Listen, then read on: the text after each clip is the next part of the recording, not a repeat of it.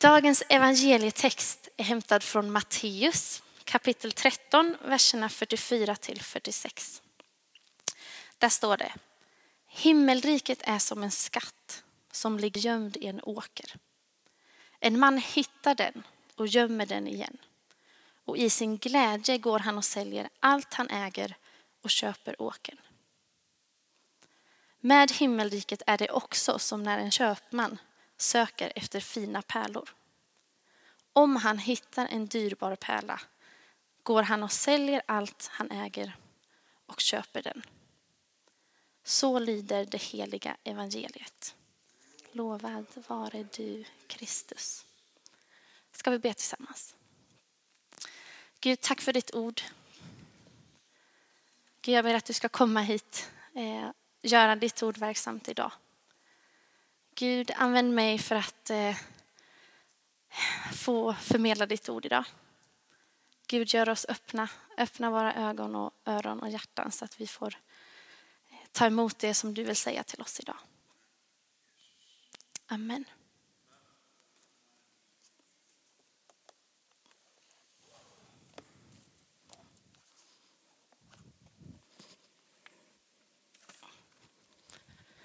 Yes. Dagens tema är att lyssna i tro. Precis som Alva beskrev innan. Alma. Eh, och jag heter Jenny för er som inte känner mig, är med här i Linnéakyrkan. Jag vet inte vad du tänker på när du hör det temat, att lyssna i tro. Kanske påminns du om någon situation i ditt liv då du har hört Gud tala och du vågade lyssna, du vågade eller kanske får du lite dåligt samvete och påminns om någon gång som du tror att du har hört Guds röst, men du vågade inte riktigt lyssna, eller du valde att inte lyssna. Eller kanske tänker du, jag kan inte höra Guds röst. Han talar nog dessutom mer till alla andra än vad han talar till mig. När jag har tänkt på det här temat, att lyssna i tro, så har jag tänkt på alla de här sätten lite grann. Dagens text, evangelietexten, innehåller två små korta berättelser. Två små liknelser där Jesus förklarar vad det innebär att vara medborgare i hans rike. I himmelriket, i Guds rike. Den första berättelsen handlar om en man som hittar en skatt som ligger gömt i en åker. Hans reaktion på det fyndet är att han går och säljer allt som han äger bara för att kunna gå tillbaka och köpa åken och få ha den här skatten. Den andra berättelsen handlar om en köpman. Han söker och hittar en dyrbar pärla. Hans reaktion på det fyndet är att han går och säljer allt han äger för att kunna köpa pärlan, för att kunna ha den. Då tänker man kanske, smart kille den där första. Han sålde allt han ägde, investerade i någonting bra, en åker som till och med har en skatt. Nu skulle han kanske kunna sälja vidare skatten, tjäna lite pengar. Eller den andra mannen skulle kunna sälja vidare den här dyrbara pärlan till ett ännu högre pris och gå lite plus. Men i berättelsen så gör inte männen så.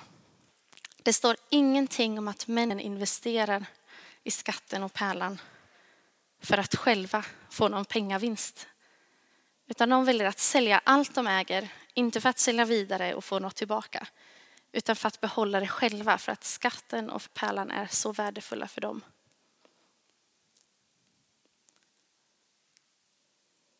För mig blir frågan då, vad för någonting kan vara värt att sälja alla sina jordiska tillgångar bara för att få äga? Sin bil, sitt hus, sin iPad, sin telefon, sina kläder. Vad för något kan vara så mycket värt? Kanske är det just den här frågan som Jesus vill väcka hos oss som läser texten.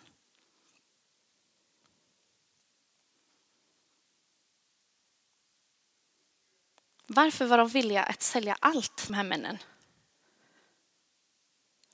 De måste ju liksom fått någonting tillbaka. Det står att himmelriket är, eller det här är liknelse som dras till himmelriket. Männen i berättelsen hade upptäckt himmelriket, Guds rike. De hade upptäckt Jesus, vem han är och vad Jesus har gjort. Och det räckte för dem till att vilja sälja allt. Har vi upptäckt himmelriket? Har vi upptäckt vem Jesus är och vad han har gjort? Nu menar jag på riktigt upptäckt. Så pass att vi också är redo att sälja allt bara för att få ha kvar Jesus. Det är inte bara de här frågorna som växer i mig när jag läser den här texten, utan jag känner också ett hopp. Det kan faktiskt finnas någonting som är värt mer än allt annat som den här världen har att erbjuda. Och kanske är det så att det finns någonting som kostar oss allt av det enkla skälet att det är värt allt.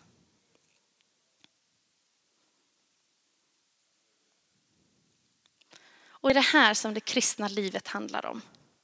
Att hitta skatten, Jesus, och låta Jesus vara värd så mycket för oss att vi skulle kunna sälja allt. Vissa människor kommer att hitta Jesus på ett oväntat sätt. Precis som den här första mannen i berättelsen lite oväntat hittade skatten i åken. För andra kommer Jesus som ett svar på ett aktivt sökande. Precis som den här köpmannen sökte och letade efter pärlor. Det spelar egentligen ingen roll hur vi får tag på Jesus. Oavsett så kommer det att vända upp och ner på hela våra liv. Vårt sätt att tänka, vårt sätt att prioritera och vårt sätt att agera. Och det här temat kommer igen lite i dagens episteltext som Alma läste tidigare, som är ifrån Apostlagärningarna kapitel 5. Eh, och Petrus och apostlarna har i kapitlet innan fått ett förbud av eh, översteprästen och hans gäng mot att tala om Jesus eller undervisa om Jesus eller be i Jesu namn. Trots det här förbudet så var de ute och evangeliserade och fick se många under och tecken ske. Eh, översteprästen och eh, hans män såg när det här hände och eh, det står att de fylldes av avund och sen så slängde de apostlarna i fängelset. Eh, då kom en Herrens ängel till fängelset där de satt och eh, mitt i natten och öppnade fängelseportarna och eh, sa till gänget, apostlarna och Petrus, gå till templet och undervisa där. Och det gjorde de. Och när översteprästen och hans män kom till fängelset så var ju inte apostlarna där. Så fick de höra att de var i templet av någon. Det är liksom backstory till den här texten. Så de gick och hämtade apostlarna i templet och sen ställde de dem inför det stora rådet. Och då läser vi från eh, Apostlagärningarna 5. När de nu fördes bort ställdes de inför stora rådet.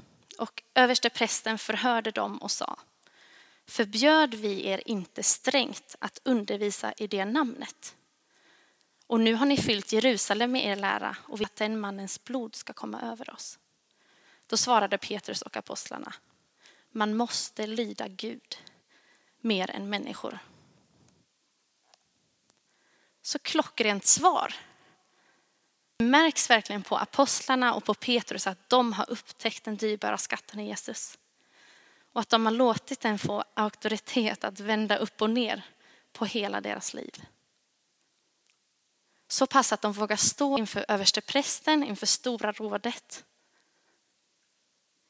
Som precis har slängt dem i fängelse, som har gett dem förbud att inte undervisa i Jesu namn. Och ändå stå där och säga att Guds ord måste få stå över människors ord.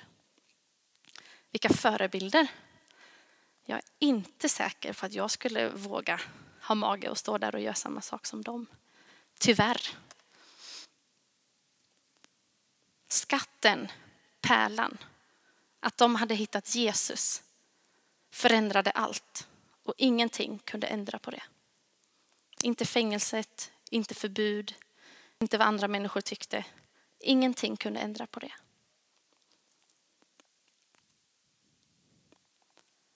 Vår utmaning är att upptäcka Jesus. Att upptäcka att det är han som är skatten, att han är pärlan. Och då menar jag verkligen på riktigt. Om vi på riktigt upptäcker Jesus så kommer en automatisk konsekvens av det vara att vi vill att relationen mellan oss och Jesus ska få högsta prioritet i vårt liv. Om vi på riktigt upptäcker Jesus så kommer vi vilja vara med honom. Om vi på riktigt upptäcker Jesus så kommer vi vilja ge auktoritet till honom över våra liv. Om vi på riktigt upptäcker Jesus så kommer vi att vilja lyssna till honom i tro.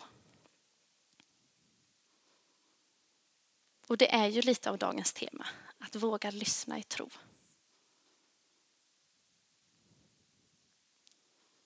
För att lyssna i tro så tror jag att den första viktigaste grejen är att vi måste vilja lyssna i tro. Vi måste bestämma oss för det. Vi måste bestämma att Jesus är värd så mycket att vi är redo att låta det förändra allt. Hur gör vi det då? Hur ger vi Gud första platsen i våra liv? Och hur får vi lyssnande till Gud att vara en naturlig del av vår vardag? Det här är väl svårare än någonting annat för oss hösten 2017. Hur ska man överhuvudtaget kunna avsätta tid för Gud när det är så mycket annat i samhället som söker uppmärksamhet och som gärna tar vår tid?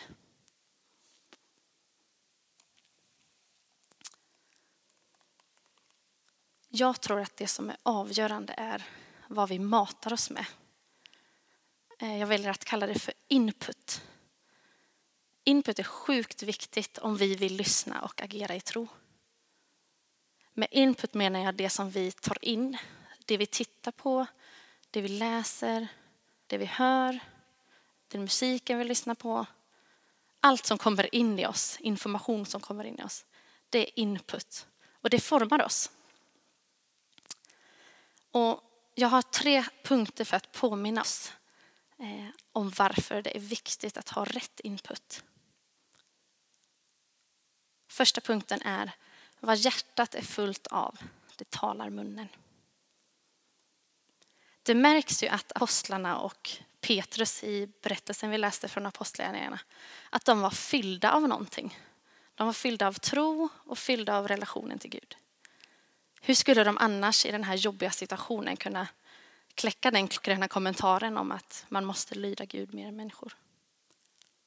De måste ha haft det i sig på något sätt. De måste liksom ha varit fulla av förväntan på att Gud är med dem i varje situation. Vad hjärtat är fullt av, det talar munnen. Och apostlarna och Petrus hjärtan, de var fyllda av tryggheten i Gud. Vi måste också fylla oss med Gud i bön, i bibelläsning, i umgänge med andra kristna så att vi också får den här tryggheten i Gud inplanterad i våra hjärtan och i vårt liv. Om vi har Guds ord som trygghet så blir det naturligt att agera och lyssna i tro.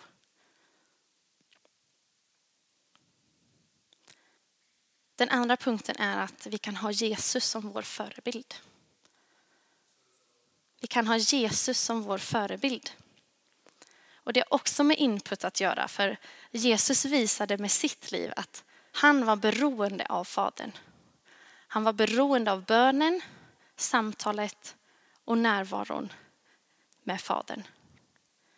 Gud formade Jesus i hans närvaro. Och Gud vill också forma oss. Och det formandet sker när vi ställer oss i hans närvaro och när vi är villiga att formas. När vi spenderar tid med Gud så formar det våra hjärtan och våra tankar.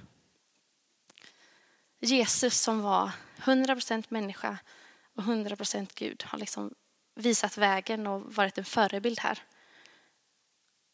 Vi behöver formas i vår faders närhet.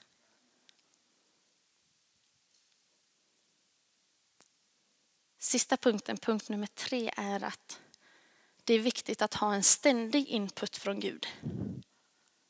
Inte bara en engångsgrej eller en veckogrej eller månadsgrej utan vi behöver ständig input från Gud. För vi får ständigt input från samhället och alla andra röster.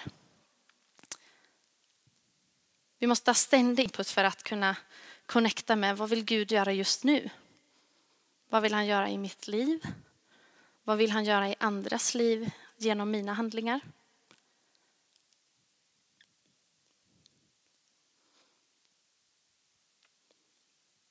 Vi måste också förvänta oss att Gud faktiskt kommer att tala till oss. När vi läser hans ord, när vi ber och när vi vänder våra hjärtan till honom. Har vi den förväntan på att Gud kommer att tala till oss, då kan vi lyssna på Gud i tro och sen agera därefter. Och inte på grund av dåligt samvete, inte på grund av att vi borde göra på ett visst sätt, inte på grund av att andra ska se oss. Inte på grund av att vi ska kunna checka av duktighetsstämpeln. Utan på grund av att vi har hittat skatten, Jesus. Och för att den betyder så mycket för oss att vi inte ser någon annan väg än att låta den förändra allting i våra liv. Jag vill avsluta med att skicka med en utmaning. Till, en utmaning till dig, en utmaning till mig.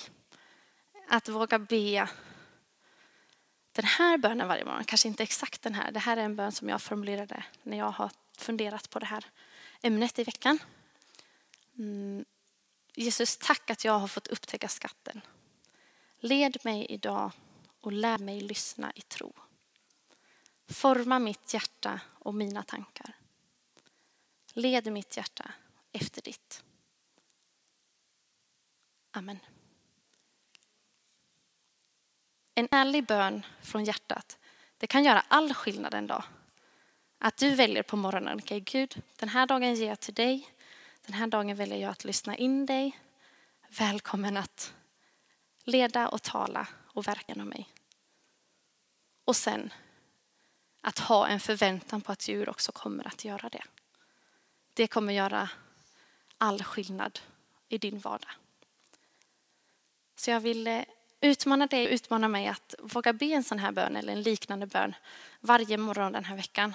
Så är jag säker på att nästa tisdag när vi ska dela vittnesbörd eller grejer så kommer ni ha mycket grejer att dela från vad Gud har fått göra genom er. Ska vi be tillsammans? Tack Jesus att du är skatten och tack att vi har fått möjlighet att upptäcka den.